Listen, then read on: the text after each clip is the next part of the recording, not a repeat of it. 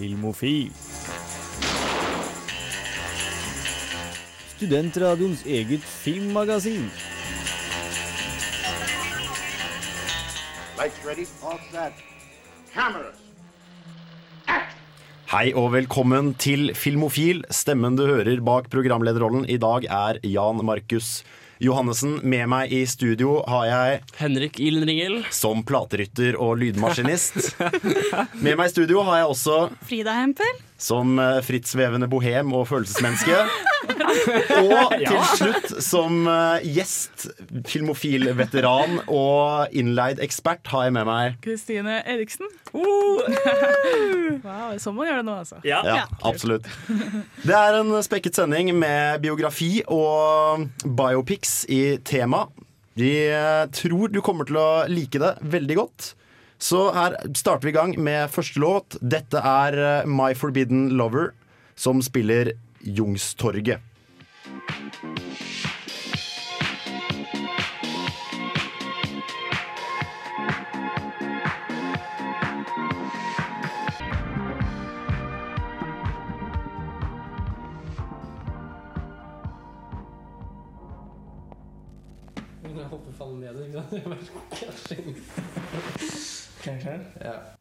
Velkommen tilbake til Filmofil. Og nå skal vi kort oppsummere hva oss eh, filmofile i studio har eh, gjort siden sist. Jeg har eh, vel Jeg har sett en del standup. En del irske standup. Altså både Ed Byrne og, uh, og Darrow Breen. Dammit, det har jeg òg gjort. Og, og stjal ditt ene ting. Eh, nei, sett litt. Jeg har prøvd å oppdatere meg litt på TV-serier, fordi jeg har droppa litt ballen. Så jeg har begynt å se på Forever, begynt å se på Chasing Life, begynt å se på Babylon. Begynt å se på Det har vært mye TV-serier, mye filmer, prøve å catche opp litt. Uh, det fins mye morsomt der ute, altså. Man, kan, man tror man kan ha sett mye film, og så finner du en eller annen kul liste. Og så, oh, ja, ok. Nice. Og Frida, du nevnte et eller annet om eh, standup-komiker, du òg? Ja, jeg har, det er jo faktisk Det var jeg som sendte deg eh, Ed Byrne. Ja. Så ja, så jeg har også sett på det, faktisk. Eh, men viktigere, viktigere så har jeg sett én episode av Archer. Men jeg bomma og så den, den piloten som er der hvor han The Lost Pilot. Der hvor det er en dinosaur som løper rundt og er Archer. Den er helt fantastisk. Jeg tror den er morsom hvis du har sett Archer og liker humoren. Hvis du skal liksom lære deg Det er ikke en deg god introduksjon nødvendigvis, nei. Det er akkurat, det var akkurat med en om at liksom, hva hvis noen som ikke har sett Archer, så det? Så genialt. For de uinnvidde så er det da Det er en eh, pilot selvfølgelig som er laget til Archer, altså episode én.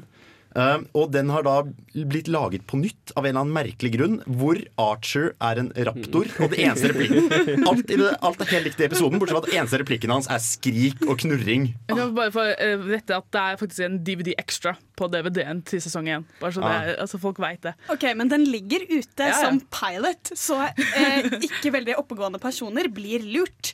Så jeg bestemte meg for at vet du hva, Archer det var ikke noe for meg. Eh, så fikk jeg beskjed om at kanskje jeg måtte gi det en ny sjanse, fordi egentlig er ikke Archer en raptor. Så, ja. Og synes det er så du Kristina, da? Hva har du opplevd siden sist? Du var i studio en gang for eh, mange Ja. uker siden. Ja, jeg har gjort mye siden den gang, hvis du vil jeg skal gå gjennom alt det. Det kan men, ta eh, litt tid. Jeg kan ta det siste jeg så. da Vi så um, første episode av en ny miniserie som heter Wolf Hall.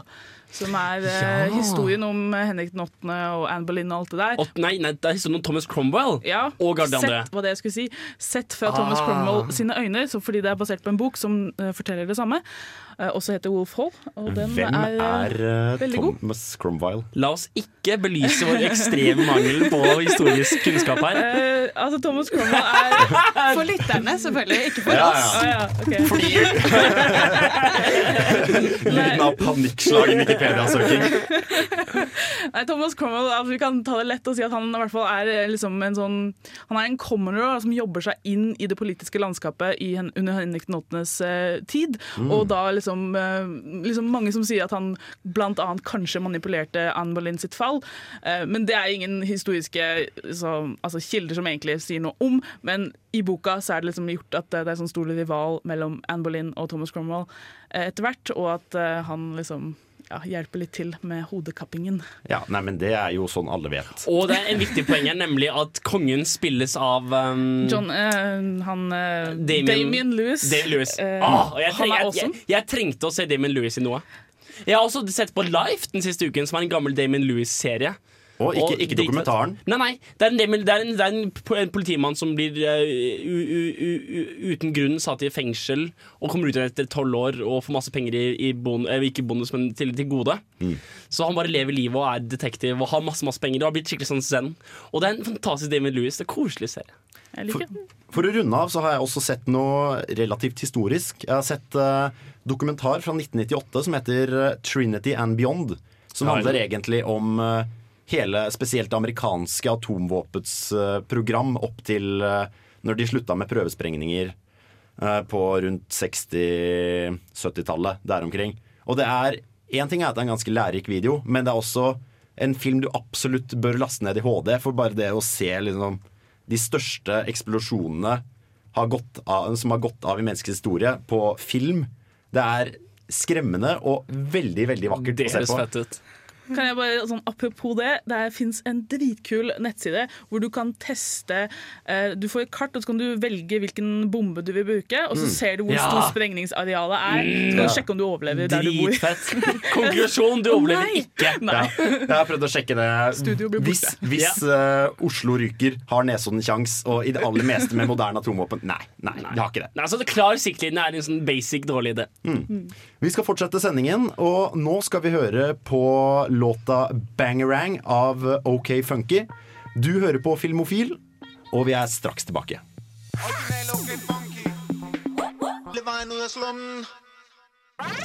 Filmofil gir deg nyhender fra filmen og fjernsynets i spanende verden.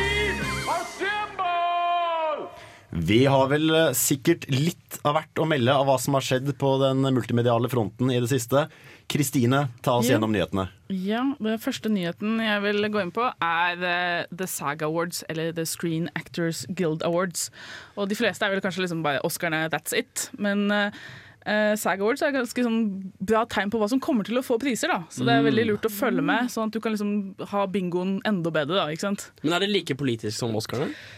Det er litt vanskelig. Jeg har egentlig ikke tenkt så veldig mye om det, men eh, altså, man pleier jo å si at Oscarene er de mest politiske. Så hvor mye mindre SAG Awards er, det skal ikke jeg si noe. Ja, uh, men jeg skal dra fram noen liksom, notables. Birdman uh, vant for det beste filmensemble. Ja, den er premiere i Oslo neste En Ja. premiere i Norge neste, neste uke. Og den, den vant også PGA Awards, altså Producers uh, Guild Award. Guild Awards. Ikke, ikke, ikke golf, sånn som jeg trodde. Nei da. Jeg tenker, jeg tenker golf hver gang. Hadde det vært imponerende. Ja, det som er spesielt med det, er at eh, de, skal vi se, de 18 siste 18 av de siste 25 PJ Awards-vinnerne har også fått Best Film Oscar. Og det at ikke liksom, Alle tenker liksom Boyhood for den, fordi Boyhood er for en eller annen grunn grunn forguda i Hollywood. Men hvor, da, liksom, det at Birdman får den, da tenker jeg yes, han har sjans. Så det krysser fingrene for det. Det kan være noe med at Boyhood holdt på i hvor lenge? 18 år? Nei, hvor lenge? 7. 12. Ja, ok, vi er Et.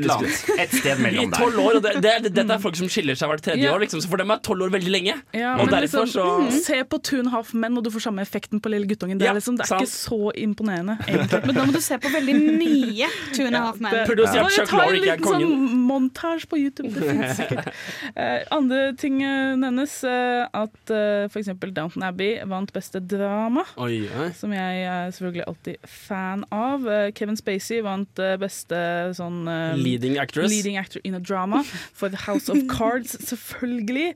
Uh, og han eh, Eddie Redmayne vant for Theory of Everything, som jeg gleder meg veldig til å se. For det er Stephen Hawking-filmen, og han ser helt fantastisk ut i den. Så, så SAG er på tvers av TV-serier og film? ja, det er, det er litt sånn, kult, da. Uh, ja, begge deler. Så mm, yes. Yes, uh, moving on. Eh, Vi kan ha en uh, godnyhet for eh, Disney-fans. Eller ja, kom igjen på om hva du syns om skuespillerinnen. Det er Emma Watson det er snakk om, og hun har blitt casta som Bell i live action Beauty and the Beast. Hva var navnet hennes? sin? Har, hvem han det het Bell? En eller annen vampyrting som het noen het Bell. Stemmer ikke det? Bella? Bella Ja. i Uh, Swan. Twilight. Twilight. Og samme Nei, det var Emma Watson. og- OK, beklager. Jeg tuller. Beklager. roe deg ned her. beklager. Oi, oi, oi, oi, oi. Kirsten Stewart spilte Snow okay, White. Nå er vi på Ja. Beauty and the Beast. La oss gå videre. Ok, greit. Yes. Men er dette en sånn type de lager 'Skjønnheten og udyret', Disney-filmen, på nytt? Eller er det en sånn vi går tilbake til den originale det originale eventyret og lager en ny og fancy greie? Er det en remake, en reboot eller en Altså, reimagination? Eller en reboot med heroinavhengig jo- Emma Watson. Og The Beast er ikke faktisk en monster, men bare en veldig voldelig ektemann. Dette er sånn Nolan Dette er sånn Nolan drømte. Beast. Jeg tror tenker meg at det blir litt sånn à la Magnificent, kanskje. Uh, Maleficent, unnskyld. At, uh, at det blir kanskje De tar liksom Litt de tar, så Historien er lik, basically, men kanskje de tar den fra en annen vinkel, eller gjør den litt mørkere, litt mer sånn Tim Burton-aktig. Vi veit ikke. Ja. Så, men det blir i hvert fall live action, og hun ser jo veldig ut som uh, Bell. Hvis du bare ser bilde av Emma Watson ved siden av originale Bell, så er ikke det så dårlig, det. altså. Men det er, det er jo litt interessant. Hun har ikke hatt så mange sånn skikkelig skikkelig hovedroller hvor hun skal bære filmen alene. Hun er jo elsket litt pga. at hun bare er sykt sjarmerende. Hun hadde vel den uh, The Bling Ring. ja. Nei, Som, hun er ikke som hovedpersonen i ingen den. heldigvis så. Jeg Men derimot. Perks of Being a Wallflower var ikke så verst. Eh, Ja, den var jo Men hun er ikke hovedrollen, hun er love interest i den filmen. Eh, det samme i The Bling Ring, så er hun en sånn sidekarakter som er ganske ekstrem og dermed ganske underholdende, men hun har aldri båret en film, i hvert fall som jeg har sett, på den måten hun nå skal gjøre. Nei, det er sant. Ja, det er sant. Da får vi si lykke til med det. Eh, helt til slutt så vil jeg gjerne lese en uh, tittel på en artikkel som bare, bare for at dere skal reagere på den på samme måte som jeg gjør det. Og det er altså Vanilla Ice will play Mark Twain in an Adam Sandler western and my brain just broke. hva, hva tenker dere til det? La meg, eh, etter, Ettersom Hans Ystadnes er svært opptatt i kveld, så skal jeg være han og si ah, det blir noe drit på. Eller en annen dialekt. Nei, altså det er Adam Sandlers eh, første Netflix-film. Han fikk jo en sånn deal å lage mange filmer for Netflix. Eh, og det her blir en Magnificent Seven-spoof entitled Ridiculous Six. Og det er veldig mange kjente skuespillere i den. Det her jeg skal liste opp her skal vi se Sandler selvfølgelig sjøl. Taylor Lautner, Nick Nolte, Steve Buscemi, Rob Schneider, Dan Ackerod, Will Forte, Nick Swanson, uh, Terry Cruise, uh, Luke Wilson, eh, Danny Trejo Altså Holy shit. nå da, Vanilla Ice. Det er sikkert enda flere. Jeg har ikke Men- alle.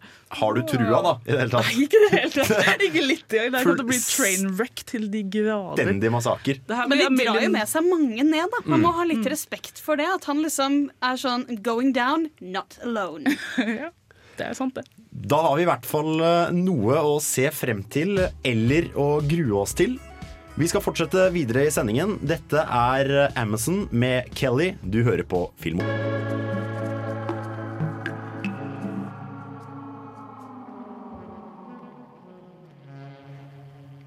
Velkommen tilbake til studio med de dansende filmofile.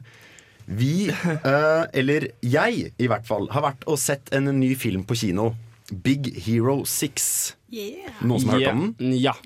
Kristine, du gleder deg. Ja, ja, jeg er veldig glad i sånn type animasjon, spesielt animasjon om eh, superhelter. Så jeg har gleda meg lenge. Mm. For dette er jo det samme Disney-studio som brakte oss Wreck-It Ralph, eller Rive-Rolf som det heter på norsk. Rive-Rolf. Ja, Et elendig navn. ja, ja. Fullstendig grusomt. Uh, og Frozen. Eller Frost. Frost er ikke så verst. De Jeg, har, jeg, de har, jeg faktisk, skal, klart å, de har faktisk klart å ikke dubbe denne filmtittelen fra Big Hero 6 til Stor helt 6. Men det skal sies at hvis du skal se den med originalt språk, så har du tre av tolv filmvisninger i Trondheim å velge mellom. Så jeg, jeg skal da se den på fredag, og da kan jeg velge mellom halv sju eller halv ni. Og that's it. Ja, jeg, så den, eh, jeg så den på norsk med i 3D. I 3D på Ja, norsk. Så det var liksom alt som er galt med verden. Men jeg har laget en uh, liten anmeldelse av den, så før vi går videre, så kan vi vel egentlig bare ta og høre på den. When are you gonna start doing something with that big brain of yours? What? Go to college like you? So people can tell me stuff I already know? Unbelievable. En gang i fremtiden, i den fiktive byen San Francisco, lever den 14 år gamle Hiro. Et geni som ser opp til sin eldre bror, og som overbevises til å søke på det prestisjetunge universitetet i byen. Der blir han introdusert for brorens entusiastiske vennekrets og hans nyeste oppfinnelse, den store og myke sanitetsroboten Baymax. Men så inntreffer tragedien. På en vitenskapsutstilling der Hiro viser frem sin nyeste oppfinnelse, bryter det plutselig ut en brann. Både broren og oppfinnelsen forsvinner i brannen, og etterlater Hiro alene og nedtrykt. Men da han en dag med et uhell klarer å aktivere Baymax igjen, viser det seg at omstendighetene rundt brorens død ikke er så rett frem som først antatt. Og det er opp til Hiro, Baymax og vennene fra universitetet å komme til bunns i mysteriet. Hello, I am Baymax, your personal healthcare companion. I was alerted to the need for medical attention when you said, ow. Big Hero 6 er basert på tegneserien ved samme navn, og krever ingen kjennskap til serien fra før. For en som aldri har hørt om serien før, blir det allikevel klart at filmen er basert på noe. Det virker som om filmen jobber seg mot en ønsket sluttilstand, der man kan begynne å pumpe ut oppfølgere dersom filmen blir en suksess. Det er ikke alltid helt klart hvorfor ting ender opp slik de gjør i filmen, og man sitter til tider med følelsen av at filmstudio har en sjekkliste hvor de må huke av en del bokser for å kunne kalle filmen en god adopsjon. Dette virker ikke til filmens fordel. dash of perchloric acid, a smidge of cobalt, a hint of hydrogen peroxide, superheated to 500 Kelvin, and.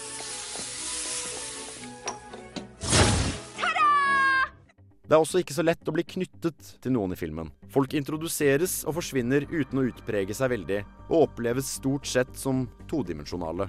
Utenom selve hovedpersonen ser man veldig lite av hva som foregår under overflaten hos hver enkelt. Derimot drøfter filmen hvordan hovedpersonen takler tapet av broren på en god og flersidet måte. Allikevel er det ironisk at roboten Baymax oppleves som den mest sjarmerende karakteren i filmen, til tross for at den ikke engang er en levende skapning. Det er også noe genuint morsomme øyeblikk med denne karakteren i sentrum, hvor det skal godt gjøres å ikke kakle for seg selv i kinosetet. My aunt asks, we were at school all day. Got it. We jumped out a window. No, it's quiet. Shh. Shh, we jumped out a window. Filmen Big Hero 6 kan nok bli en favoritt for enkelte. Det går an å forestille seg actionscenene gjenskapt i skolegårder rundt omkring i verden, noe som spesielt enkelt lar seg gjøre, da karakteren i filmen har en tendens til å spytte ut catchphrases på løpende bånd når filmen øker tempo. Kombinert med et helt middelmådig soundtrack fra bl.a. Fallout Boy, oppleves denne filmen som en forglemmelig opplevelse fra Disney, og tolkes vel mer som, ja, fyllmasse, enn filmen som definerer noens barndom. Verdt å se? Jo da, men eh, kanskje bare én gang, og når man ikke egentlig har noe bedre å gjøre. Ja. Svarte det litt på spørsmålet om eh, du lurte på, Kristina? Ja, nei, jeg tror nok jeg venter på Netflix. Ja. det blir ikke noe jeg drar på, kanskje. Uff, det var kjipt. Men er det sånn hvis, hvis man vil se den og liker bare sånn barnefilmer fordi det er deilig å se på barnefilmer og det krever mindre av deg, Mm. er det da en kinofilm? Eller er det en eh, Netflix-film? Jeg vil kalle det en Netflix-film. Jeg vil ikke fraråde folk å se den. Eh, Så ille er det ikke. Men det er liksom sånn mm, Jeg gikk ut av kinosalen med litt sånn meh. Vi er jo litt tilbake på min gamle, min gamle måte å, å reviewe film på, som er Var det verdt å betale for denne filmen? Mm. Og det hørtes ikke ut som om du hadde betalt 120 kroner for å se den i 3D på norsk. Nei. 40 kanskje. 40 kroner for å se den på 40 kino. kroner, ja, ok Det er noe en sånt. ny sånn omvendt inv- invertert skala. Ja, men jeg, jeg, liker Hvor mye penger Ja, ja. hadde vi gitt den? Wow! Mm. Du sa i anmeldelsen at uh, den hadde litt sånn type altså, franchisesyke. At liksom, du følte at det Ja. var bare den første i en, i en franchise. Da.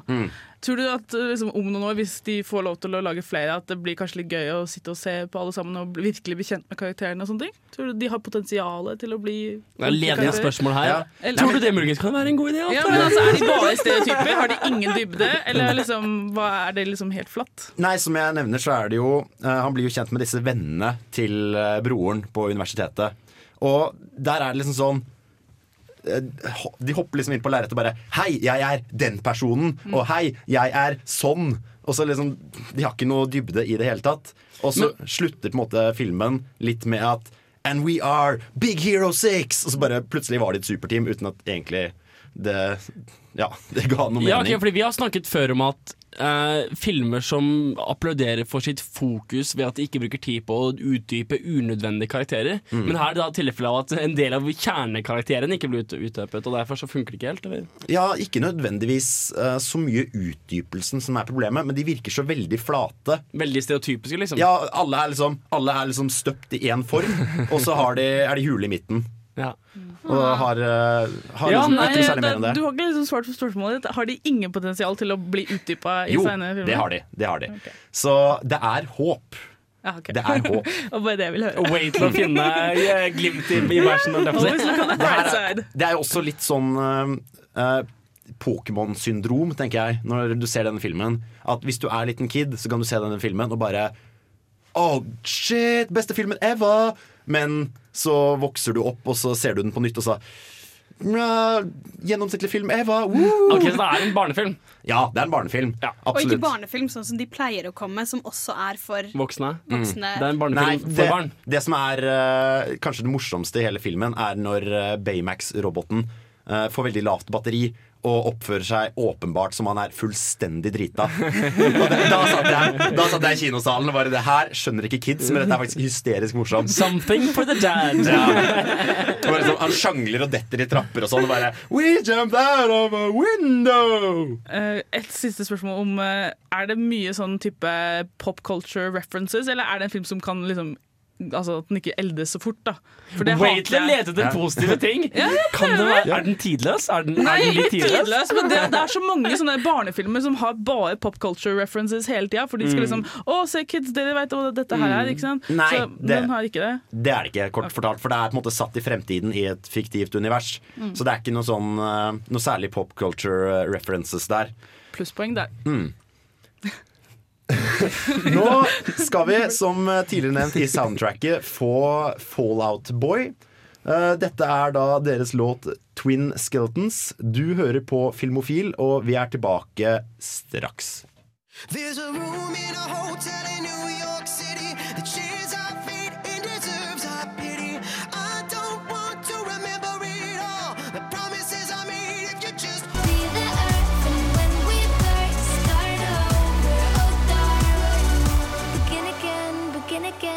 For et program i burra med både klasse og stil. Du hører på Filmofil. Velkommen tilbake til Filmofil, og det er på tide at vi skal begynne å bevege oss inn i ukens tema. Frida, kan ikke du fortelle oss eh, hva vi skal snakke om i dag? Jo, i dag skal vi snakke om biopics, eller biografiske filmer. Og dette gjør vi rett og slett fordi Filmofil prøver å være litt aktuelle. Og Oi. siden det snart er Oscar-utdeling, så er jo Oscaren alltid fylt opp av biopics. Var dette en kontroversiell Nei, Nei, jeg, jeg, jeg, jeg, jeg, jeg, jeg hører etter. Ja, du hører etter. Så tenker jeg, så tenker jeg inni meg ja, det stemmer det. Foxcatcher, Zero of Everything. Og det er faktisk en del biopics i Det er mye biopics, og det er altså hvorfor det er. Om det er Du får veldig lett litt sånn sterke rollekarakterer når man Ja, det er derfor han derre jævelen Han derre eh, ja, eh, Mr. eh, Lincoln, eh, American President Daniel Day-Lewis. Eh, Mr. Method Actor har fått så mange Ja. Oscarer, for det er det han gjør. Ja, Ja. han bare spiller Oh my god. It's all hemmeligheten. coming together. Oh For biopics er jo Oscar-bait ut av uh, ville helvete. I år så har vi Theory of Everything, Imitation Game, Foxcatcher. Into the Wild Nei, ikke Into the Wild, men det heter bare Wild. Um, Wild, Reese ja. Witherspoon. Uh, hvem andre? Det er sikkert flere. det er liksom bare i år. Mm. Men Det er jo en ekstremt populær sjanger. Hvis du ser på bøker også, så er det jo Biografier er jo stadig vekk på toppselgerlistene. Og vi skal prøve å finne ut litt av hva er det som gjør eh, biopics så populært? Hva er greia, liksom? Hva er greia med biopics? Hva gjør de bra, hva gjør de dårlige? Hva får dem til å tikke? Hva får, hva får hjertet til å slå? Og vær så snill å aldri begynne å snakke sånn. Biopicens hjerte er vi interessert i her i Filmofil. Ja, jeg vet ikke helt hva du skal etterlegge, men det skremmer meg. Nei, det skremmer meg jeg, altså, jeg er så dårlig på dialekter at hver gang jeg slutter å snakke, så mister jeg dialekten jeg holdt på med. Så det blir alltid en sånn ny greie hver gang man prøver på noe. Nei, men det er interessant, det er, fordi biopics er jo selv om det er på tvers av mange sjangere, det kan være action, det kan være drama, det kan være thriller, det kan være horror, så er det, de har visse likhetstrekk. Det er litt interessant å se på, på en måte. Og ja, det er biopic, og det står 'This happened in real life'. Hva er vi innenfor nå, liksom? Og hvorfor er det det at det happened in real life en bedre ting? Hvorfor er det noen som syns at Vet du hva? Ingen fantasi kan bli som virkeligheten, ass. Sitte der med min fantasybok på 1200 sider mens en eller annen idiot leser en eller annen gammel biografi om Knut Hamsun, liksom. Hva er greia? Det, jeg skremmer meg med de der karakterene du begynner å bygge. det er persongalleriet av Henrik. Uff. Nei, men eh, det er jo utrolig spennende å se ting du vet er ekte, og som eh, ofte når du sitter og ser på mm, fiktive historier som ikke er så godt skrevet, så tenker du liksom at ja, men det her hadde kanskje ikke skjedd i virkeligheten. Men det kan du faktisk ikke si med biopics. Det er interessant. dette her har skjedd. Det var faktisk sånn han eller hun reagerte i denne situasjonen og med dette mennesket. Og det er jo nettopp derfor vi er så fascinert av dem. fordi at når vi ser en person har det vondt og i en biopic, så tenker vi å shit, det er liksom den personen opplevde det. Og da stikker det mye hardere innpå deg enn liksom en random slasher-film. Liksom, og kjerringa løper av gårde. Du bryr deg ikke, liksom. Altså, jeg tror, jeg, tror, jeg tror The Cabin in the Woods er en sann eh, Kanskje slutten Kanskje slutten er litt, litt Tar litt kunstneriske friheter på slutten her. Men altså, jeg tenker på at det at, eh, og, og, og, Altså, hvis det, det er den eneste måten du kunne gjort så bedre på. Hvis det, hvis Bare slappe på en Det er jo inspired by real life events, liksom.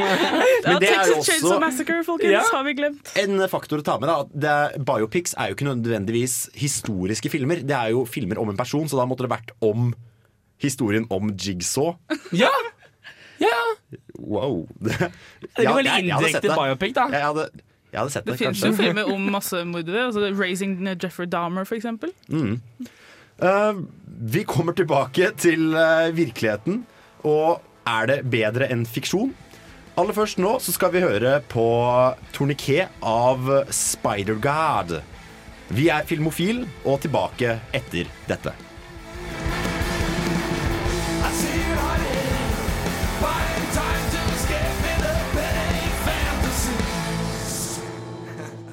Velkommen tilbake til Filmofil. Vi snakker om biopics, og i den anledning så er det viktig å legge et uh, lite fundament av det programmet handler om filmer. Og Henrik, hva slags uh, biopics filmer liker du? Det er vanskelig, altså. Ofte så liker jeg uh, biopics helt uavhengig av at det er en ekte historie.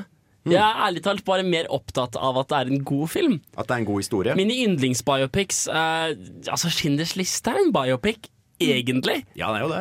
Eh, The Social Network, Aaron Sorkin som har skrevet. Det er, jeg digger den filmen Nei, jeg digger, jeg vet hva, Den digger jeg faktisk fordi det er en biopic. Ja vel, jeg, eh, jeg, jeg tror jeg sier Social Network, jeg. Jeg bare synes, jeg bare synes Den er så stram og fin, og jeg kan se den igjen. Og den, har, den, er, eh, den er bra. Men det er jo litt tilbake på det vi snakket om i sted. Da, at biopics har en verdi fordi det er sånn det skjedde i virkeligheten. Og det er det som skjedde, og det sa han, og så reagerte han. Og ifølge Mark Zuckerberg, ikke det at han er verdens beste kilde i forhold til det her, men ifølge han så var det eneste, eneste Social Network fikk riktig, var garderoben. Han har kommentert det etter at ja, nei, jeg har alle de genserne. Det er det eneste, det er det eneste han har sagt. Altså, Det er- stemmen Jeg tviler han innrømmer noen ting, for å si det sånn. Nei, ikke sant? For David Fincher er jo litt creepy til å starte med, og hvordan han fant ut det, det Ja, ja, altså, nei, men, altså Kombinasjonen av Sorkin og Fincher Den filmen er så bra. Det er min yndlingsbiopic. Ja. ja, men jeg synes vi burde si det med en gang, at det har ingenting med hvor nøyaktig filmen er, altså at vi liker dem eller ikke, syns jeg. Mm.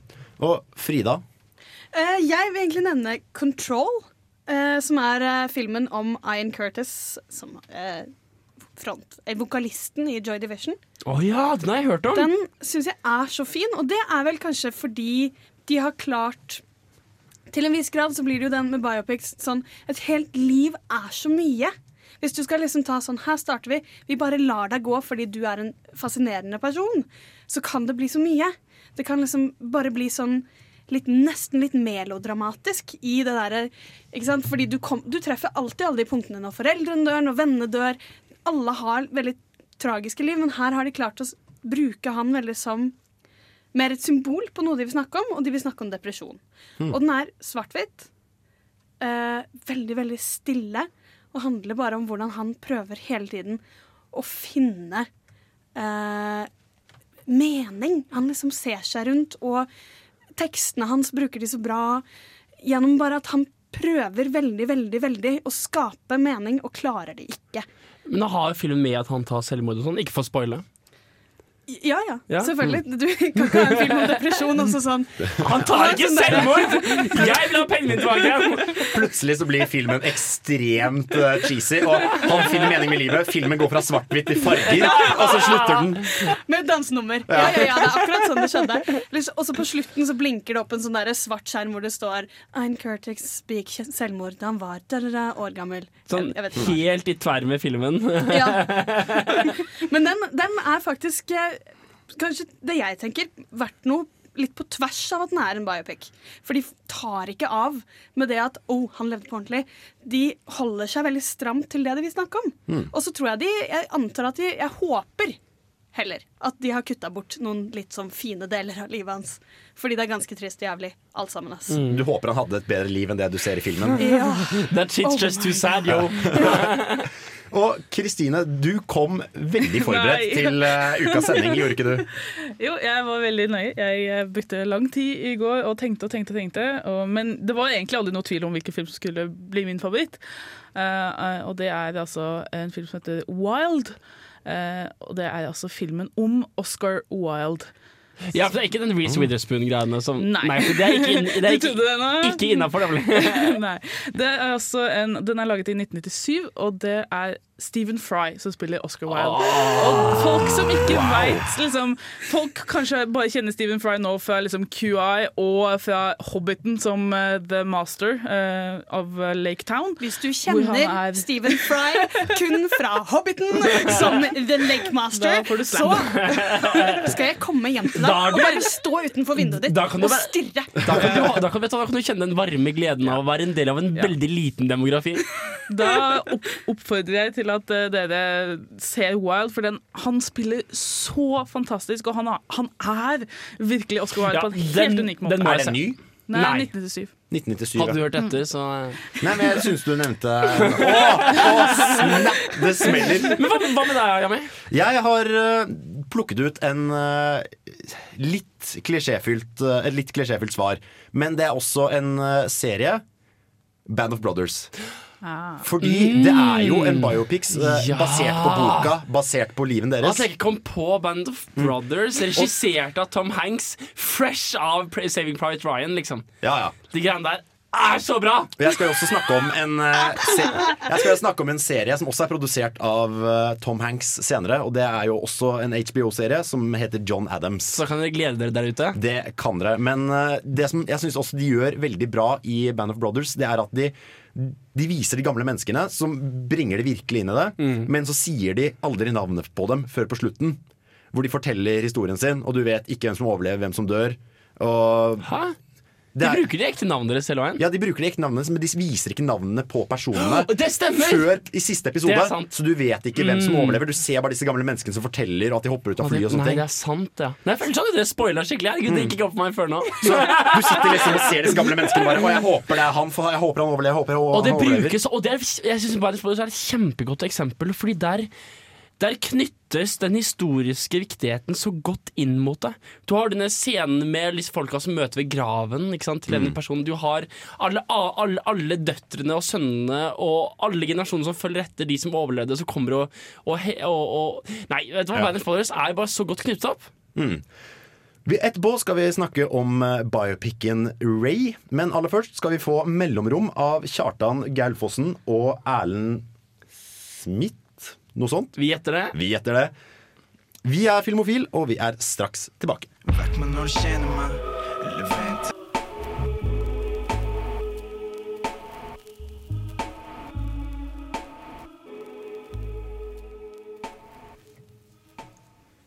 Velkommen tilbake til Filmofil. Her i studio snakker vi om biopics, og nå snakker vi om filmen Ray. Yes, det skal vi gjøre. Og det er altså Ray er filmen om Ray Charles. Og det var ukas hjemmelekse, for de som Ja. ikke nevnte det. Det var det også. Uh, de som ikke veit hvem Ray Charles er, skal vi anta det? Eller Det skal vi... det, er litt, det er litt som han der andre blinde piano... Ja, han, han Stevie Wonder. Stevie Wonder-duden. Ja. Litt som han, bare ikke han. Ja. Ja. Det er filmprogram, ikke musikkprogram. ok? Eh, ja, nei, altså det er Ray Charles sitt liv. eh, ja, for det meste fokusert på voksenlivet hans. eh, litt sånn back, flashbacks til barndommen. Og så er det altså han som piano, jazz, blues, alt det han Rock, soul, Ja. Intro til R&B. Veldig swinging-aktige sanger. Eh, Hit the Road Jack, som er kanskje en av de mest kjente. Og det er, han er spilles av Jamie Fox, som fikk en Oscar, tror jeg, for rollen. Jeg er ganske sikker. Mm. Du, det vi sa i stad, om at det er lett å få Oscar hvis det er en biopics. Yes. Så har vi også Carrie Washington, som er en- av mine favoritter, som eh, altså kona. Og andre kjent eh, Det er vel ikke så mange kjente, eh, men eh, ja. Det er, det er liksom egentlig veldig straight fram livet hans eh, i voksen alder frem til han eh, sluttet med heroin og liksom coaster resten av livet. Det, er noe, det er ikke noe interessant etter det, ifølge filmen. Da. Skal vi Så ta- bare happily ever after. Skal vi ta kjøre på låta før du begynner yes. Yeah, that's it. That's it. Keep that thing. Hit the road, Jack, and don't you come back no more, no more, no more. Hit the road, Jack, and don't you come back no more. Drone Jack. Det var en veldig kort versjon. Det var fra filmen. eh. Filmen kutter, så Mm. vi fadet ut smooth. Du må finne en Ray Theme-CD med hele coveret. Kanskje? Men du gadd ikke å le- Nei, vi ville ha der hvor de ikke sant? For de som ikke skjønte hva som skjedde i dette klippet, så var det dette her handlet om livet deres. ikke sant? Så vi Mm. hørte at i starten sang de, og det var ektefølt. Og så gikk de over til at de var på konsert. Det var det som skjedde. Det var, det var mye, så mye biopic på en, ett minutt og fem sekunder. Det, Ja, ja, ja, ja. fy faen. Frida, er dette den beste biopicen du har sett? Nei, hva er det jeg sier? Kristine. Er dette den beste Nei, biopicen det du er har sett? faktisk veldig langt fra den, den, det la første. meg, bare for å ta et tilfeldig tall, er den på topp 40 av dine, av dine biopicer? Nei, ikke. Fordi det, det første Frida sa når hun kom inn i dag, er dere Igjen, jeg Jeg har funnet 40 filmer ja. på som er- Kristine. Kristine. Gud. Det første Det ikke Kristin lett. sa når hun kom i dag, er at jeg har funnet det er 40 filmer som er bedre enn Ray. Hvor mange var det det du sa det var? Det Kan du var- si det en gang til? Ti, og så fire ganger ti. Nei, det var faktisk 44. Det tar begge feil. Haha, Det er du som har sagt 40 sånn Nei, 40 ganger. jeg har sagt 44 Det er 40 ganger. Vet du hva, Det er fordi ingen er retter. Nei, men seriøst, Jeg ble litt sånn provosert etter jeg så filmer. skjønner? Så jeg bare satte meg ned og sa nå skal jeg, nå skal jeg faen meg finne hver eneste biopic jeg liker bedre enn Ray. Og det tror jeg faktisk jeg har gjort. Hvordan gikk du frem for å finne de 40, beklager, fire? Nei, jeg brukte Jeg tror jeg tenkte på sånn 30 helt bare ut av tankene. Og så gikk jeg på sånne topplister av bi- biopics og valgte Mm. ut de jeg syns er bra. Men hvorfor liker du den ikke? Fordi den er utrolig kjedelig.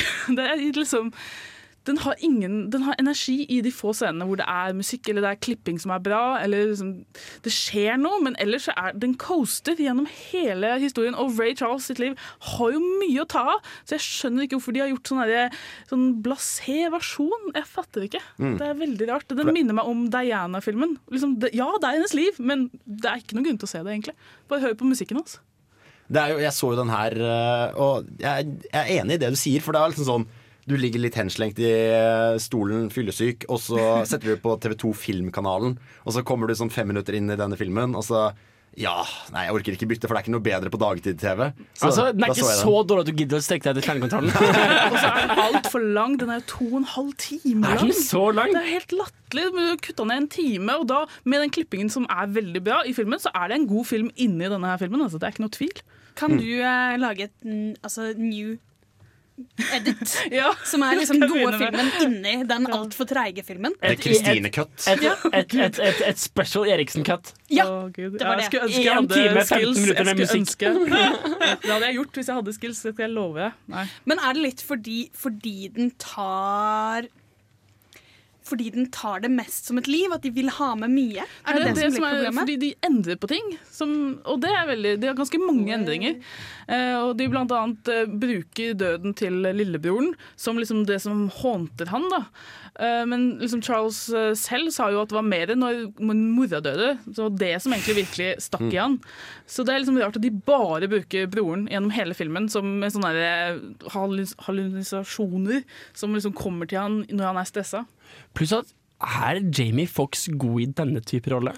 Han er veldig god. I denne type rolle? Han er kanskje litt for god. Han er liksom kanskje nesten en parodi av Ray Charles. Ja, det er det, fordi jeg, jeg, det jeg, er jeg, tror kanskje ikke jeg trodde helt på det. Jeg vet ikke hva greia var, men Han ser veldig blind ut. Han, han ser ekstremt blind ut. Det, det syns jeg skal, Nå vet skal ikke jeg om rasisme mot blinde er en greie her. Han Men den der bobben. De har vel, det er vel faktisk en ganske kjent greie at de må få folk til å spille mm, på en måte mer eh, hjelpeløse når de er blinde på film, fordi folk forventer at de kommer til å gå inn i ting og sånn. De må mye. overspille mens, blindheten. Ja, mens folk som faktisk er blinde, klarer jo fint å orientere seg i et rom. Mm. Ja. Mens her så må du liksom legge inn litt sånn uhuhu, han krasja inn igjen. Så ille. Jeg vet ikke om Ray Charles. Comic relief! Comic relief. Han skal, han, skal gå, han skal gå på scenen, komme som blindestav og velte mikrofonen. Heldigvis gjør han ikke det, men Sånn fem minutter så er det slapstick med han som snur seg rundt Symbaler den. Cymbaler som går her i bakgrunnen, og katteskrik. Gud, nå er det slem. Nei, men I filmen så fokuserer de veldig på det at han, skal liksom, han, skal, han er veldig sånn independent, eller han vil være independent. da Så det er, det er veldig bra, syns jeg. Hmm. Så en film som er verdt å se, men ikke får din Hvis du har veldig god tid. Og hvis du har sett 44 bedre filmer Hvis du har sett 40 filmer og du har enda tid, vær så god. Ja. Det, nå skal vi høre på Don't Let Me Down av The Dogs. Vi skal fortsette videre med biopics. Og jeg gleder meg veldig til å presentere serien John Adams, som jeg har binget noe grovt på denne uka. Du hører på Filmofil. Her er Don't Let Me Down.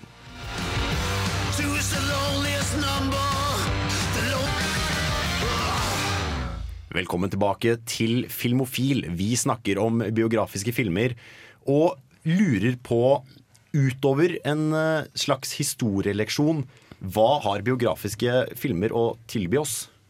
Altså, jeg syns jo da ingenting. Det var derfor jeg foreslo at vi Oh kunne prate om dette. her For jeg syns bare, for å forklare, ut, utdype litt der Jeg syns veldig ofte at biopics blir veldig fanget i det at det er en sann historie, og at det blir Og dette er om en person. Det er Se på denne personen, vi må følge han, vi den, følger etter, og så får vi en historie om livet deres. Og det er veldig fint å se folk sitt liv. Det er veldig sånn fin historie. Har klar start og slutt og liksom Og utover det så er det veldig ofte man mister litt sånn det større perspektivet. Det blir bare en person, deres liv. Ferdig med det. Da vil jeg kontre.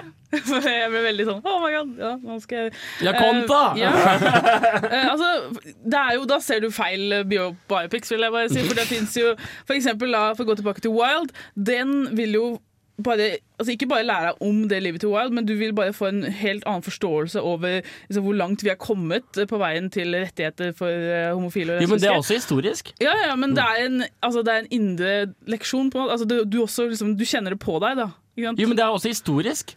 La oss komme til Ja, la, men la, la oss komme til holdninger. Det jo det definitivt, definitivt, men da er vi tilbake på det historiske. Se hvor mye, altså, den har verdi i hvordan den beskriver datidens samfunn. Det er fortsatt historisk. La oss eksempel heller snakke om Schindlers liste, som har en verdi utover bare det historiske, hvor den snakker om hva folk er villige til å gjøre hvis de har en høyere makt.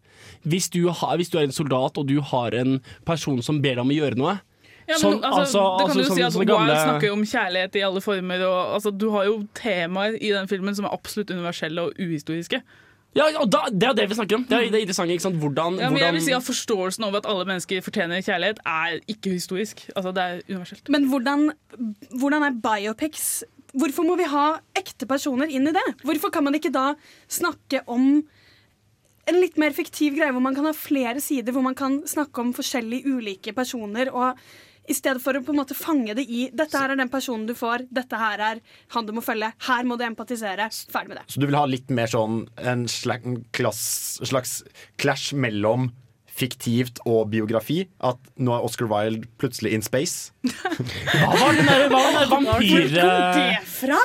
ikke, ikke, var det Lincoln ved The Vampire Slayer? Ja, det Ja, var, det det, var ja, ikke det han det, var Eh, det var ikke det jeg spurte om, altså. Men, eh, Men jeg tror jeg forsto det. Altså, eh, det er altså Åh, Nå mista jeg tanken jeg hadde. Radio! ja, men altså, det er jo en eh, En Altså, en oh, faen. Altså, okay, ja, det er bare det, det blir på en måte så smalt. Ja, jeg jo, nå- misliker det at man har én person. Ja, men problemet er at Det går jo tilbake til det vi snakka om helt i starten av showet. Det, jeg si, at det at det er en ekte person, det gjør det, det Du føler det mye mer på deg. Som, altså fordi du kan relatere. Du kan si at det er en ekte person, jeg er en ekte person. Det her er ikke fiktivt, ergo det er en helt annen eh, vekt kan du si da, på det som blir fortalt. Er det det du prøver å si, Frida? At, at hvis du klarer å beskrive noe kjempeverdifullt som ikke er historisk, hvorfor ikke lage en enda bedre film ved å ta ut det bio- bio- biopicet?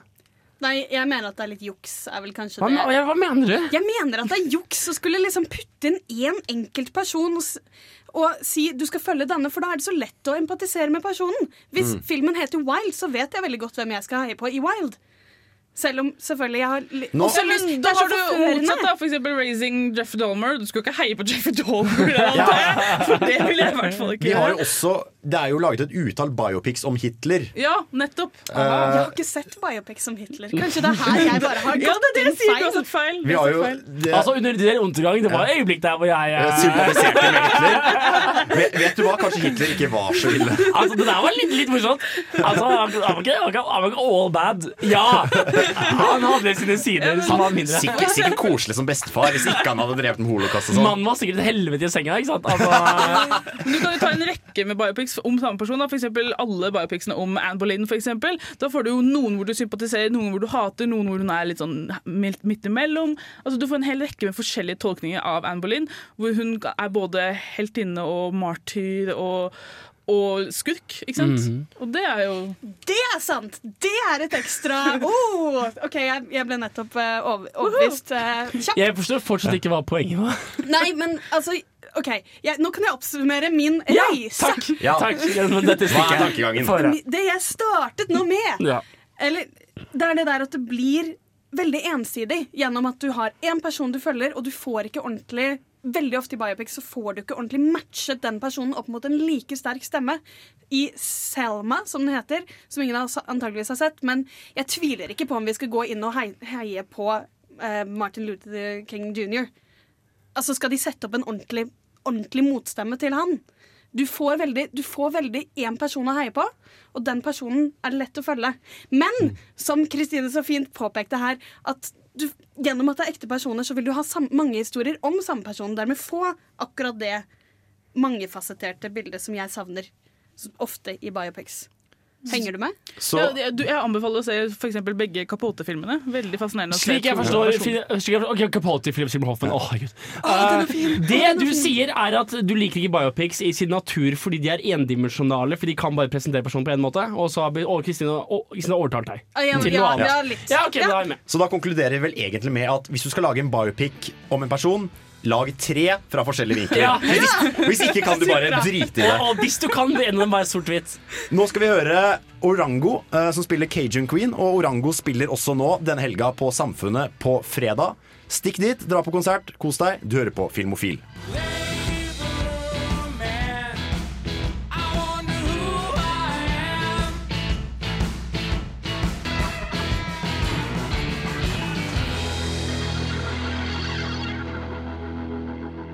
Play it once, Det er jo alltid å ha musikk når den er påtent.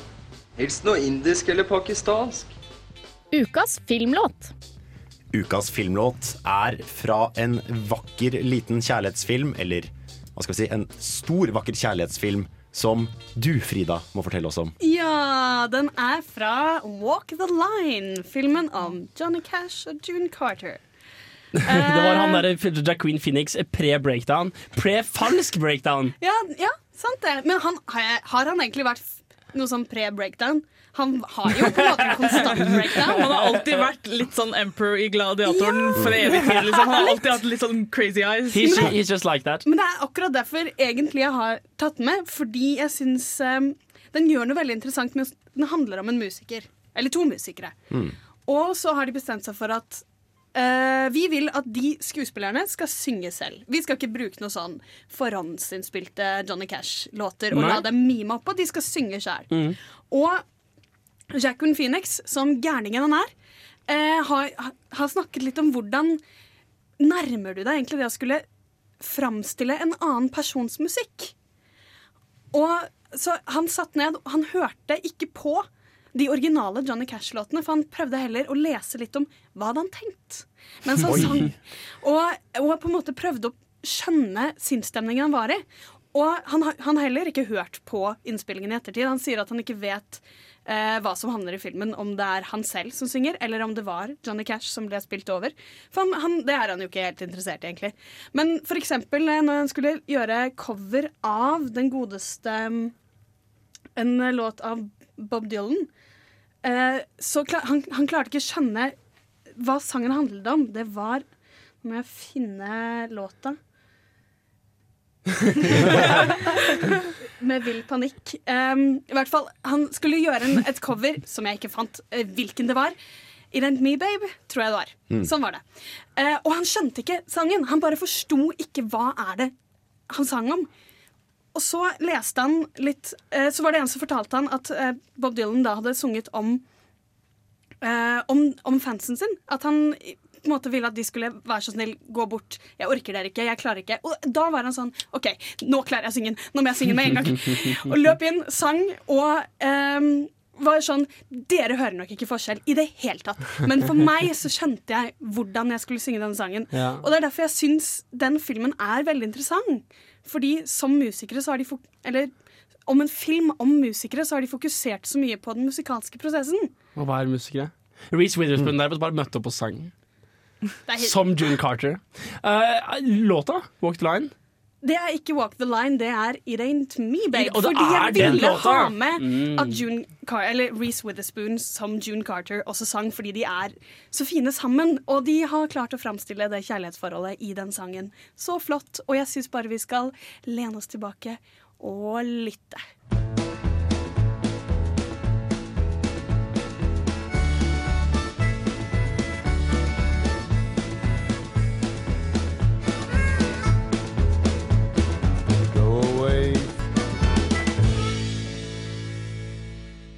For det er jo interessant, som du sier, at eh, skuespillere som synger sangene selv i musikkfilmer eh, Et eksempel på en som ikke gjør det, er jo for eksempel eh, han eh, Oceans Eleven, eh, George Clooney.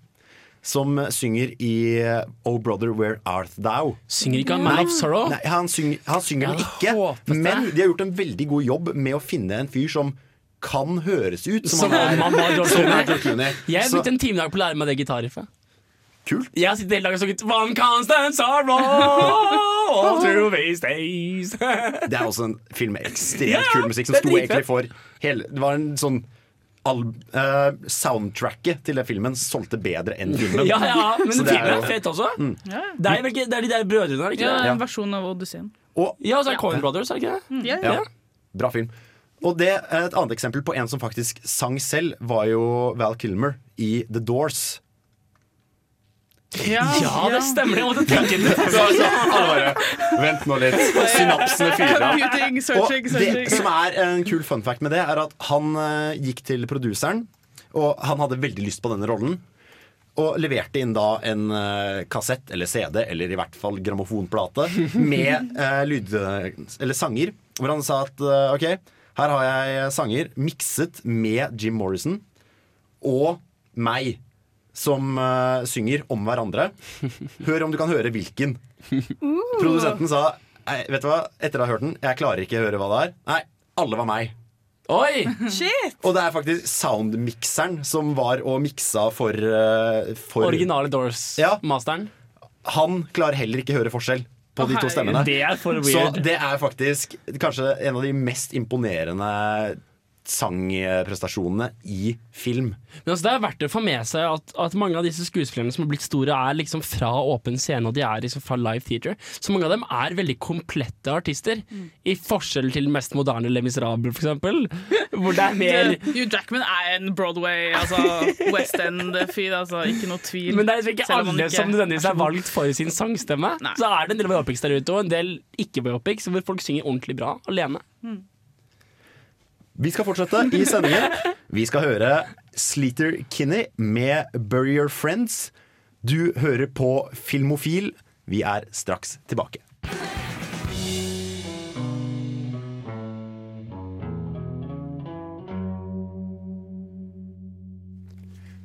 Biopics er historien om myten om mannen og, Wow. og personen vi kjenner fra populærkultur. Ja, for det er jo litt interessant, da. Fordi altså, Du snakker om myten om mann, altså på en måte kulten rundt mann. Mm. Og på en måte vil en dokumentar eh, Vil den enten forsterke eller være så påvirket av kulten at den egentlig ikke er veldig opptatt av hva som faktisk skjedde?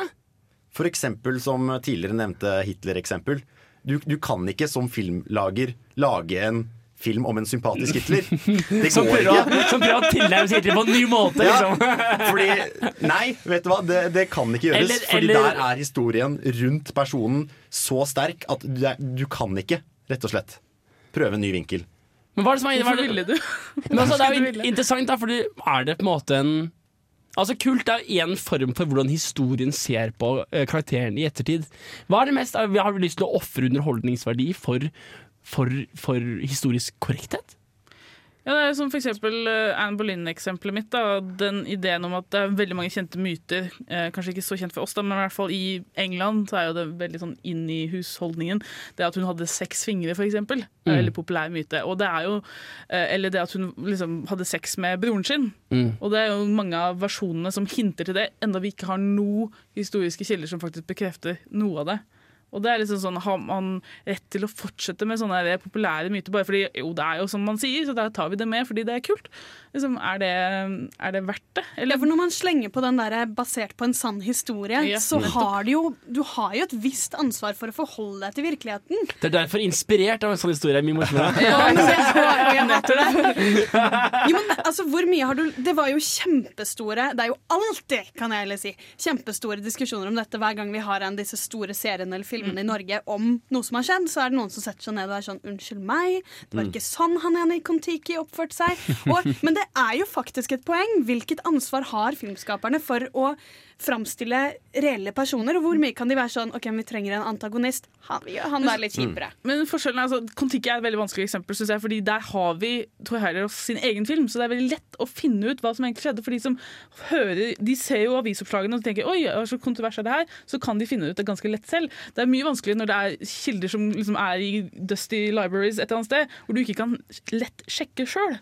Det er kanskje Eller liksom eller er det fordi at det er nyere tid, da er det fallet? Ikke sant? Det er sånn, hva er, hvor er det du skal være forsiktig?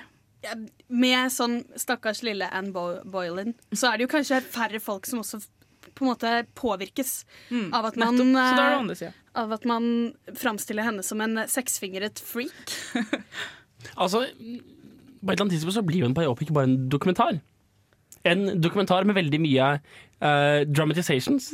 Ja, men det er, jo en, altså det er jo entertainment. Det er jo ingen filmskaper som De som lagde Braveheart, kom ikke ut og sa at uh, det her er definitive history Men hvor William mye Wallace. liksom. juks er Braveheart? Hvor Masse, mye juksing kan man på en måte tillate seg når det handler så mye om nasjonal stolthet? da? Ja, men Det var jo en amerikaner som lagde den, så det er jo ikke, det er jo ikke skottene som har lagd Tenk alle, hit, alle, alle nazistene som ble fornærmet over depiksjonen av Hitler under uh... Og apropos nasjonal stolthet og ekte historie. Tungtvannet. Uh, den serien som går uh, på Norge nå. Og på alle skjermer. Ja, ja, går på Norge. Går på, Går på- går på NRK. På Norges Rikskringkasting. Der er det jo litt den derre Du skal vise sannheten, men du skal faen meg ikke komme her og kødde med nasjonalfølelsen vår. Det, altså, den er veldig fascinerende, for der er det noen ting som jeg synes er helt uh, ålreit. Det at de eksempel legger sammen flere karakterer til én karakter. For å gjøre det, altså Storytellingen må være såpass streamlined at du kan fortelle det på en uh, lettfattelig måte. Så det er lov å, å gjøre visse ting, visse grep. Men så kommer liksom eksempel sønnen til han ene uh, vitenskapsmannen og sier at dette her syns jeg er helt forkastelig. Så føler jeg liksom OK, det her er en, en person som lever, som, som er personlige liksom ja, påvirket. Så da var det liksom Oi, shit, hvor langt har de lov å Og gå? da mener du sønnen til han tyske Ja, vitenskapsmannen. nettopp. Så Så da er det, var det derfor de gjorde Ja. det? Det er var- som å begynne å snakke trash om lov, døde bestefedre.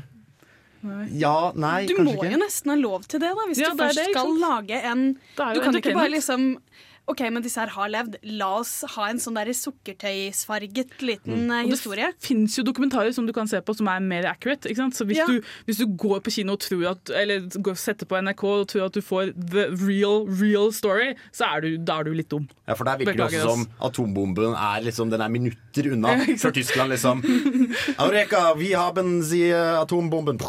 Ikke sant? Men det er jo ja, det, Tysken din er det eh, verste er at jeg hadde, ty, jeg hadde tysk på videregående. Ikke si det. Så, Det virker som mye bedre før du har sagt det. ja, så, men i, i serien også så er det jo Eller i virkeligheten så var det jo langt unna. eh, flere år før uh, dette her var mulig. Og det er jo også spørsmål om den hadde noe å si i det hele tatt, denne situasjonen, risikerer risikere liv og lemmer. Men det vet man jo ikke. Ja, og da vil jeg bare si at Det er nettopp fordi vi har denne diskusjonen, og den diskusjonen her har gått overalt. Det er nettopp derfor at det på en måte er lov, fordi folk er jo klar over at det ikke er korrekt. Så da er det jo på en måte, De veit at det er entertainment, så hvorfor ikke bare enjoy the entertainment, og så lese om kontroversen og diskusjonen i ettertid? ikke sant? For det er jo nettopp det som har skjedd. Så alle er jo klar over det. Det er et godt poeng. Mm. At filmen kan kanskje sverte en, en historie, men det er ikke et vakuum. Nei, det er støttesystemer for å redde inn en. Det er, mm. Så et tips til fremtidige filmmakere. Lag basert på en sann historie, men for faen, se dokumentar om det. Kanskje lese en bok? Ja, les en bok. Utdannede svin. Nå skal vi få 'Moonlight' av Hani El Khatib. Du hører på Filmofil. Hei! Hei! Det er ikke 90s sitcom-flashback. Ta og Skru på noe annet. Ja, bedre, men prøv igjen. Filmofil presenterer ukas serie. Da, da. Det er, det er en eh, introlåt jeg har forelsket meg i, og det er som tidligere nevnt i sendingen John Adam. En sesong av HBO Loveliness. Ja, En eh, miniserie som handler om, spoiler alert, USAs andre president. John Adams. John Adams. Fuck yeah. Eh, og sønnen hans også blir jo Det er jo uh, litt, Sønnen hans blir jo uh, USAs sjette president. John Adams jr. Ja. Nei! Jo, jo. Heter han det? Det, Skudd i mørket. det er faktisk helt uh, spikeren på hodet, Henrik. Så vakkert gjetta. Jeg føler det er veldig episk. Er det veldig amerikansk og episk og Uh, er, You will not take this land! jeg ser for meg Gandalf med amerikansk flagg og setter helt i bakken. Uh, nei, men det er, uh, det er en serie som starter i 1770. We are not independent because we have to, because we want to. Det er da altså overhodet ikke John Adams. i det hele tatt. John Adams spilles i denne serien av Paul Giamatti, uh, og han spiller bra. Han er så kul! Han er kjempekul. Helt siden Shooter Up, hvor han var en bad guy, så har jeg likt Paul Giamatti. Jeg er helt enig, det var der jeg så han uh, Ja. første gang selv. Så eh, nei, han spiller rett og slett John Adams fra 1770, hvor denne hendelsen med de kidsa som kaster stein og snøballer på soldater, utløser en massaker. Og han var jo til stede da det skjedde. Og har da eh, Serien starter med at han er advokat, og ingen andre vil forsvare disse britiske soldatene. Og han tar da rollen som deres forsvarsadvokat, og beskytter da britiske soldater i et ganske opprørsk eh, kolonistat. Og det varer hele sesongen. Er det på en måte main Nei, team? det er det ikke. Det går fra uh, 1770, når dette skjer, til gjennom hans presidentskap og personlige liv og tragedier og oppvekst og opplevelser til da han stryker med i siste episode. Ok, Så det er ganske helhetlig greie, mann. Det er ganske helhetlig. Litt spoiler alert, da, men Mm. Ja, altså hvis, For de som ikke har fått med seg, John Adams eh, Er død. Han. Han, han, han levde på 1700-tallet, han lever ikke nå. Nå skal vi høre på et uh, klipp av John Adams, som er egentlig en relativt uh, klok og beskjeden type, som man får litt sansen for. Og han forklarer uh, det franske hoffet i Han besøker Frankrike. Og forklarer det franske hoffet hvorfor de, hvorfor han gjør det han gjør, og hvorfor han studerer politikk og krig, når de som er ekstremt overklasse, bare bryr seg om kunst, kultur og sminke og god mat. Så kjør det klippet for meg, Adrian. I must, uh, I must study politics and war, you see, so that my sons will have the liberty to study mathematics and philosophy. My sons must study uh, navigation, commerce, and agriculture, so that their children will have the right to study uh, painting and poetry and music. Så det er jo Dette er en fyr Han er John Adams er i denne serien. Eh, nå har vi snakket veldig mye om hvordan det portretterer en fyr fra én side. Og det er veldig lett å forelske seg i mennesker du bare ser og følger gjennom livet. Men han er my man. Han er eh, en smart type som, eh, som egentlig gjør veldig mye som du ser deg helt enig i. Er altså, Paul Giamatti er jo fet fordi han er så surrealistisk og på en måte selvironisk i karakterene han spiller. Han er liksom så weird og han gjør det til en så kul greie. Også i Sideways så har han litt av den, selv om han er litt kjedeligere. Har han noe av den der Paul Giamatti-kulheten i seg, eller er det litt mer straight? Det er ganske straight. Uh, det er en serie som ikke gjør sånn ekstremt Det er ikke flaggbeiving, og det tar helt av. Og det kommer som en eh, hvit ørn og setter seg på armen hans og jager britene til landet. Det skjer ikke. Så det er en veldig historisk serie som fokuserer veldig lite på krig. Eh, og jeg, selv om det er liksom frigjøringskrigen, den revolusjonære krigen i, i de United States, så tror jeg ikke du ser én eneste muskett bli avfyrt. Du ser bare hvordan dette påvirker folka, hvordan de sliter, hvordan liksom sånne lass, hestelass med lik blir trukket forbi husene. og uh, veldig mye politikk, mye menn i parykk som sitter rundt et bord og prater. Jeg, jeg, dere, dere nå søker opp John Adams quotes på nett, så jeg kan, så jeg, så, så jeg kan invitere den faktisk John Adams og si veldig, veldig viktige ting.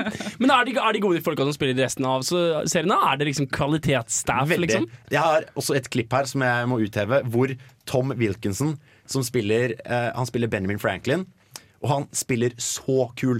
Herregud, for en kul mann! Han er eh, en veldig eksentrisk og ekstremt sarkastisk eh, Benjamin Franklin. Og du på en måte kan føle hvordan karakteren kommer til live når han uh, spiller. Så her har vi et klipp hvor han blir introdusert for serien første gang, og ja, gjør da narr av uh, John Adams indirekte, samtidig som han gjør narr av den britiske styret som driver og beskatter dem og sånn. Kjør klipp. Where are these gentlemen from Massachusetts? What have you done with these gentlemen from Massachusetts? Have you stolen these gentlemen from Massachusetts? There they are, all the way from Boston. Are they not a shame on their country? Are they not a disgrace to all civilized beings? Has not even the Reverend Ebenezer Slither declared them so? They have violated the fundamental rule of warfare, which is always to let the British win. Did they not pursue the British army with ungentlemanly haste after their cowardly victory at Concord? Must you be so extreme, Dr. Franklin? I'm an extreme moderate, Mr. Rutledge. I believe anybody not in favor of moderation and compromise ought to be castrated. And that all this should be sent down to the uh, to the Parliament, for they seem to need uh, how shall I put it? Stones. Om, om ikke annet, om ikke for historien, om ikke for John Adams og ikke noe annet, så se denne serien bare for å se Tom Wilkinson som Benjamin Franklin. Det er en av de virkelig beste karakterene jeg har sett. Han, eh, et sitat av Benjamin Franklin er jo også at eh, Ligg med gamle damer fordi de puler som om de fortjener det. Og det er, det er altså noe som kommer til syne i denne, i denne serien. Han er bare en helt fantastisk karakter. Men det jeg også liker med denne serien, er at det, de historiske eventene underspilles litt. Og det er ikke sånn And now we sign the declaration of im independence. og så er det sånn And here comes George Washington. For George Washington han ser du ganske tidlig i serien. Men han introduseres ikke, han bare er i bakgrunnen og er liksom med på møtene. Og sånn Og så bare, ja, forresten Uh, Hvem er det vi skal ha til å lede denne krigen? Så bare, jo, jeg vet om en fyr, han sitter der borte. Og så bare, å ja, nå ser jeg likheten! og også alle slagene og sånn, som egentlig bare glatt hoppes over. Så det handler veldig mye om, uh, om denne historien. Og det er, de undervurderer heller ikke publikum. Det er ikke sånn Nå kommer det et årstall som sier sted og tid.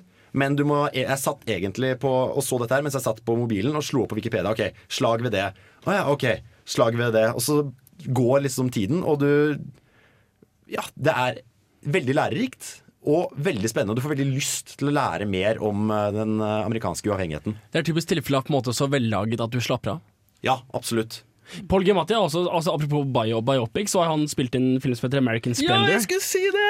Åh, det som, er så bra. som handler om Harvey Pekar. Pekar, Yes, ja. Pekar Mm. Som er en eh, comic book writer. Ja, veldig, altså han skriver, han tegner ikke. Han, eh, så er det mange andre som tegner.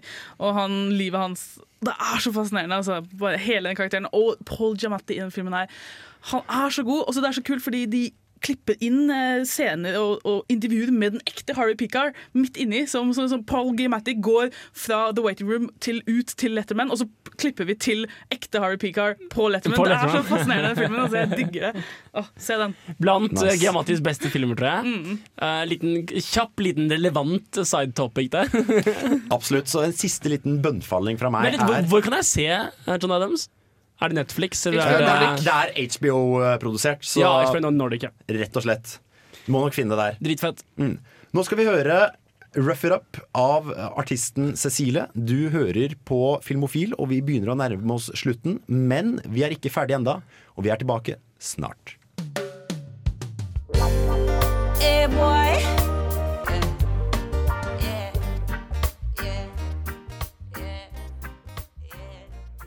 Velkommen tilbake. Du hører på Filmofil.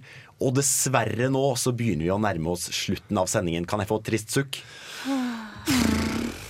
Men frykt ikke, for det kommer neste uke også. Yay! Og da har vi selvfølgelig et nytt tema. Og Frida, hva er det nye temaet? Det skal være skeiv film. Skeiv film! Oh, Sånn som Sideways og sånn.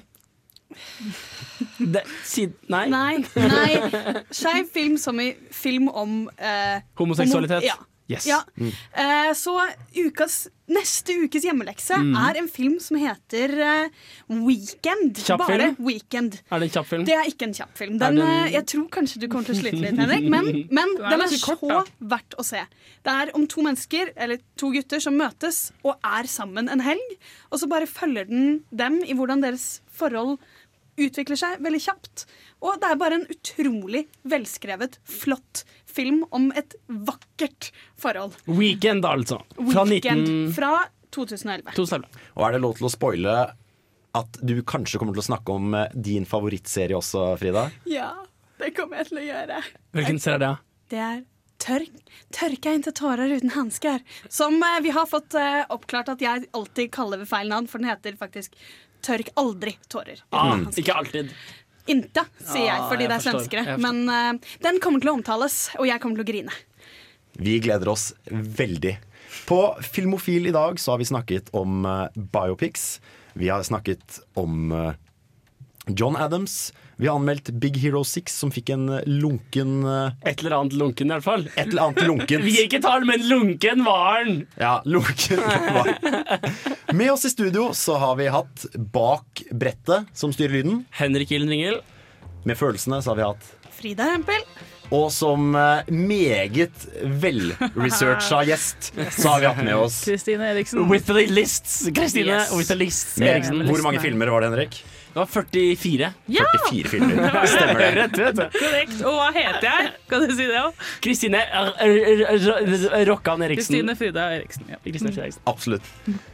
Du har hørt på Filmofil. Jeg er Jan Markus Johannessen. Fuck yeah. Fuck yeah. Og vi takker for oss for denne gang, men tune inn neste torsdag når vi er tilbake igjen. Takk for oss. Eh,